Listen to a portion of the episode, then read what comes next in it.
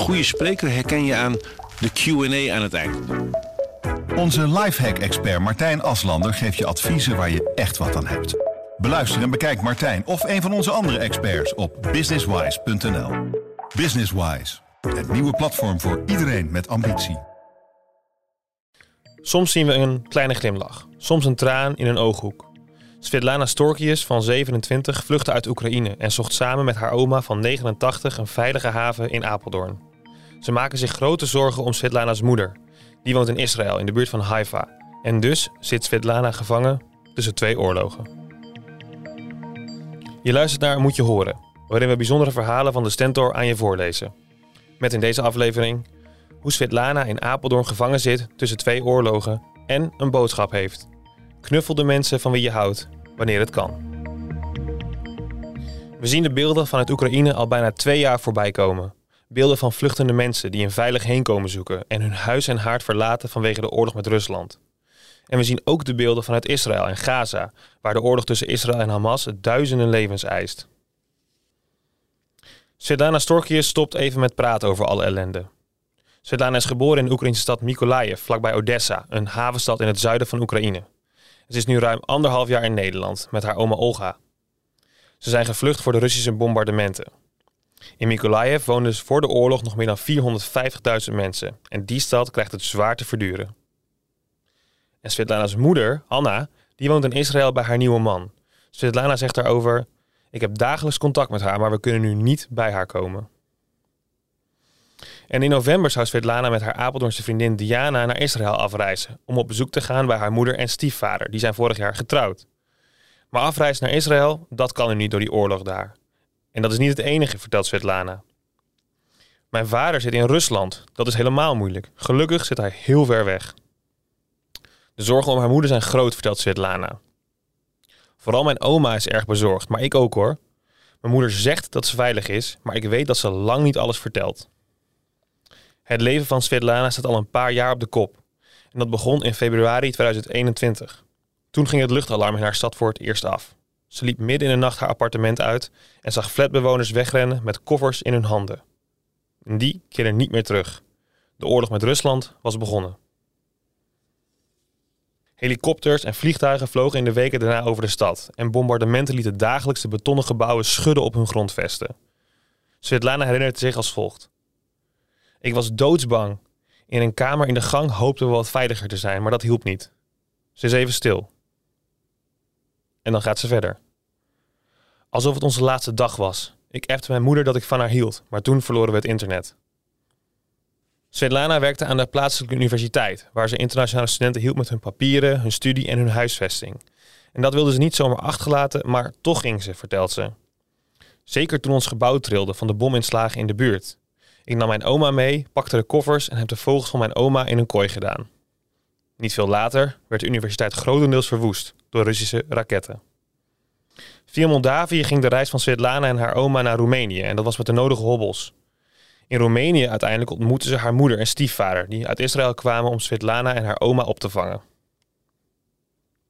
Haar stiefvader die stelde voor om naar Nederland te gaan, waar hij familie in Apeldoorn had. Daar kwam Svetlana in maart 2021 met haar oma aan.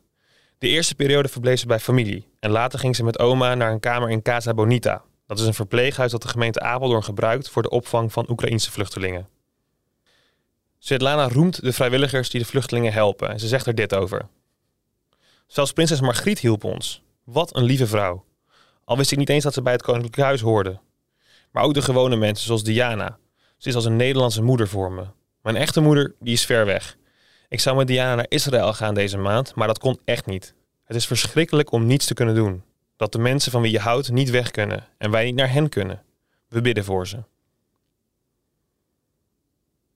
En hoewel Svetlana het liefst met studenten werkt, staat ze nu in de keuken van restaurant Guusje. Ze klaagt niet. De oorlog en alle onzekerheid daaromheen leerden haar veel en ze hebben haar bewuster gemaakt, zegt ze. Ik begrijp nu dat je nooit kunt weten of je er de volgende dag nog bent. Het leven is onvoorspelbaar. De mensen die je kent of van wie je houdt, die kunnen de volgende dag weg zijn. Of op enorme afstand. Hoewel ze het liefst met studenten werkt, staat ze nu in de keuken van restaurant Guusje. Ze klaagt niet. De oorlog en alle onzekerheid leerden haar veel en hebben haar bewuster gemaakt, zegt ze. Ik begrijp nu dat je nooit kunt weten of je er de volgende dag nog bent. Het leven is onvoorspelbaar. De mensen die je kent of van wie je houdt, die kunnen de volgende dag weg zijn. Of op enorme afstand. Ze zucht, terwijl ze zoekt naar de juiste woorden in het Engels en soms in het Nederlands. En dan zegt ze dit. Het lijkt een cliché, maar het is echt waar. Je weet pas wat je mist als het er niet meer is. Je kunt zomaar helemaal opnieuw moeten beginnen.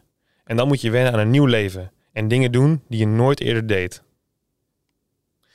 De volgende dag is voor niemand een zekerheid. Dat is de boodschap van Svetlana aan mensen die nog geen oorlog meemaakten. Ze zegt het zo. Dat je naar je werk gaat en geniet van je collega's. Dat je je ouders zegt, als het nog kan, dat je van ze houdt. Knuffel mensen en wees blij als mensen naast je staan. Het kan namelijk zomaar voorbij zijn.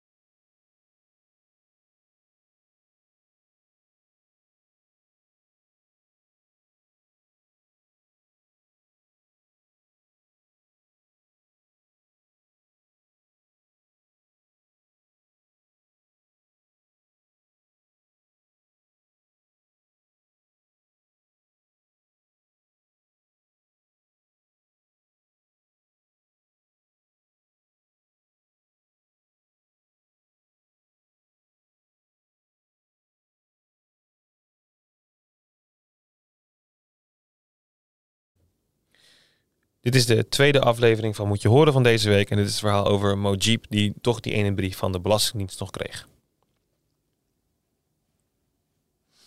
Beginopname.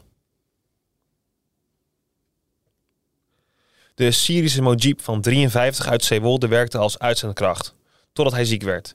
En hij dacht dat hij alles goed had ingevuld. Toen kwam de naheffing van de Belastingdienst. Zijn gezin moest zo'n 5000 euro terugbetalen. Je luistert naar Moet je horen, waarin we bijzondere verhalen van de Stentor aan je voorlezen. Met in deze aflevering.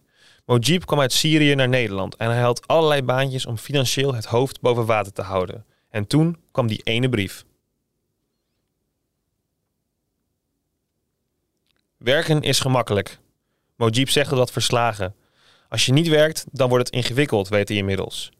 Mojib is moe van al het regelwerk, van de brieven die maar blijven komen, van de stress en van de toeslagen die hij steeds opnieuw moet aanvragen en van de instanties die langs elkaar heen werken.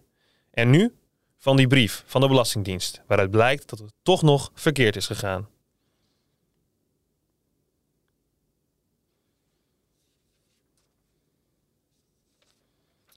Die doe ik voor zekerheid nog een keer. Voor mij zat ik niet goed bij de microfoon bij dit laatste stukje. Dus dan komt er nog een keer. Werken is gemakkelijk. Maar Mojib zegt dat verslagen. Als je niet werkt, dan wordt het ingewikkeld, weet hij inmiddels. Want Mojib is moe. Van al het regelwerk. Van de brieven die maar blijven komen. Van de stress en van de toeslagen die hij steeds opnieuw moet aanvragen. En van instanties die langs elkaar heen werken. En nu van die brief van de Belastingdienst. Waaruit blijkt dat het toch nog verkeerd is gegaan. Mojib was biologieleraar op een middelbare school in Syrië. In de oorlog vluchtte hij met zijn vrouw en kinderen naar Nederland en ze wonen nu in Zeewolde. Hij begon met uitzendbaantjes, tijdelijk werk en flexwerk, zoals schoonmaker, productiemedewerker, machine operator en inpakker. Financieel hielden hij en zijn gezin het hoofd boven water. Toen werd Mojib ziek. Zijn contract werd niet verlengd. Nee, dat is niet mooi. dat doe ik even opnieuw. Zijn contract werd niet verlengd en hij belandde bij het UWV. Hun inkomen werd te laag om een gezin van te onderhouden en dus kwam hij in aanmerking voor aanvullende bijstand. Nou, en die ontving hij via het uitzendbureau. Iedere week moest hij de ziektewetuitkering van het UWV en de aanvulling van het uitzendbureau aanvragen.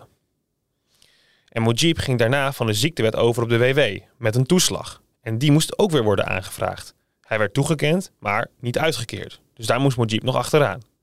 De WW en toeslag samen die bleken vervolgens minder dan het minimum. En dus kwam hij in aanmerking voor aanvullende bijstand. En die aanvullende bijstand moest ook worden aangevraagd, maar bij een andere instantie, de sociale dienst. Het is heel veel werk, al die papieren, zegt Mujib, maar het lukte. Totdat er opeens een brief op de mat viel. Want wat blijkt? Op de aanvulling is per ongeluk geen loonbelasting ingehouden. En dat had wel gemoeten. Mojib en zijn gezin moeten 5000 euro terugbetalen over twee jaar aan inkomensbelasting en toeslagen. En dat is een fikse naheffing voor een huishouden dat al worstelt om de boel overeind te houden. Mojib die zegt er dit over. Ik wil geen formulier zelf meer invullen. Al die brieven en toeslagen, het zorgt thuis voor zoveel stress en ik dacht dat ik het goed had gedaan. Nou, en het zure is, dat is ook zo. Mojib heeft het goed gedaan. Dat zegt sociaal raadsman Martin Bokking. Nee, nee, Maarten, niet Martin. Komt opnieuw.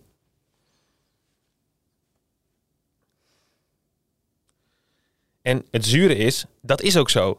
Mojib heeft het goed gedaan. Dat zegt dus jeutje. Sorry Luc, kom nog een keer.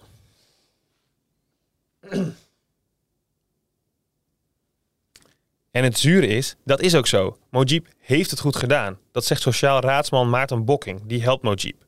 Mojib heeft het goed ingevuld. Het is fout gegaan bij het uitzendbureau.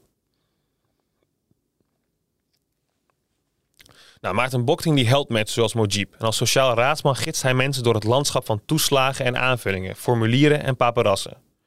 Bokting weet de weg. Hij helpt mensen met aanvragen waar ze recht op hebben. En dat klinkt simpeler dan het is. Bokting doet het nu ook al bijna 30 jaar en het systeem is er niet eenvoudiger op geworden. En hij zag al veel mensen uitglijden. Nou, als je daar nog meer wil over lezen, nee, dat moet even anders. nou, wil je daar nog meer over lezen, dan kun je bij ons op de site en in de app in een interview met Maarten Bokting nog veel meer lezen over de heftige impact van het toeslagensysteem op de allerarmsten. Want Mojib die is niet de enige die door het systeem vermorzeld dreigt te raken, vertelt Bokting. Net als Mojib is Bokting soms verontwaardigd hoe instanties langs elkaar heen werken en ambtenaren de allerarmsten met een kluitje in het riet sturen. Bokting vertelt er dit over. Mojib en ik belden laatst samen een instantie op, want er was een systeem dat niet werkte. De medewerker zei dat we een andere browser moesten proberen en dat werkte ook niet. Dat moeten ze geweten hebben. Dus wij weer bellen en zo zijn we een uur bezig geweest om één formulier in te vullen. Nou, wijst daarbij op de taalbarrière, want Mojib die spreekt gebrekkig Nederlands. En Bokting zegt daarover ook nog dit, want ook als je de taal... Nee, dat gaat niet lekker. Die komt nog een keer, sorry Luc.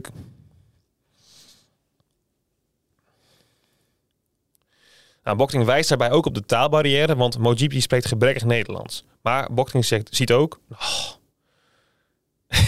Rust, kom nog één keer. Bokting wijst daarbij op de taalbarrière, want Mojib die spreekt gebrekkig Nederlands. Maar Bokting weet ook, ook als je de taal wel goed spreekt, zijn er nog steeds grote hordes om overheen te springen. En de dagtaak aan papierwerk die maakt mensen aan de onderkant van de samenleving moedeloos, zegt Bokting. Vooral als je je bedenkt dat de overheid al alles van je weet.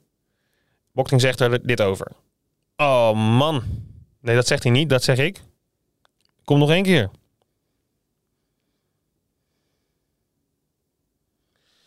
De dagtaak aan papierwerk maakt mensen aan de onderkant van de samenleving moedeloos, zegt Bokting. Vooral als je je bedenkt dat de overheid al alles van je weet. Bokting zegt er dit over. Ze kunnen formulieren automatisch voor je invullen, maar bij de volgende stap vragen ze je wel om je paspoort te uploaden. Mojib is enorm blij met Boktings hulp. Hij hoorde via een vriend over de sociaal raadsman en vrouwen in Zeewolde. Zonder meneer Maarten was het niet gelukt, zegt Mojib. En Mojib zou willen dat er één systeem kwam dat zorgde dat je op het minimum uitkwam. Maar hoe gaat het eigenlijk verder met de grote naheffing van de Belastingdienst? Nou, dat is nog maar de vraag. Als er weer post komt, staat Mojib in ieder geval snel op de stoep bij het kantoor waar Bokting werkt. Ik doe dat voor de zekerheid ook nog één keertje.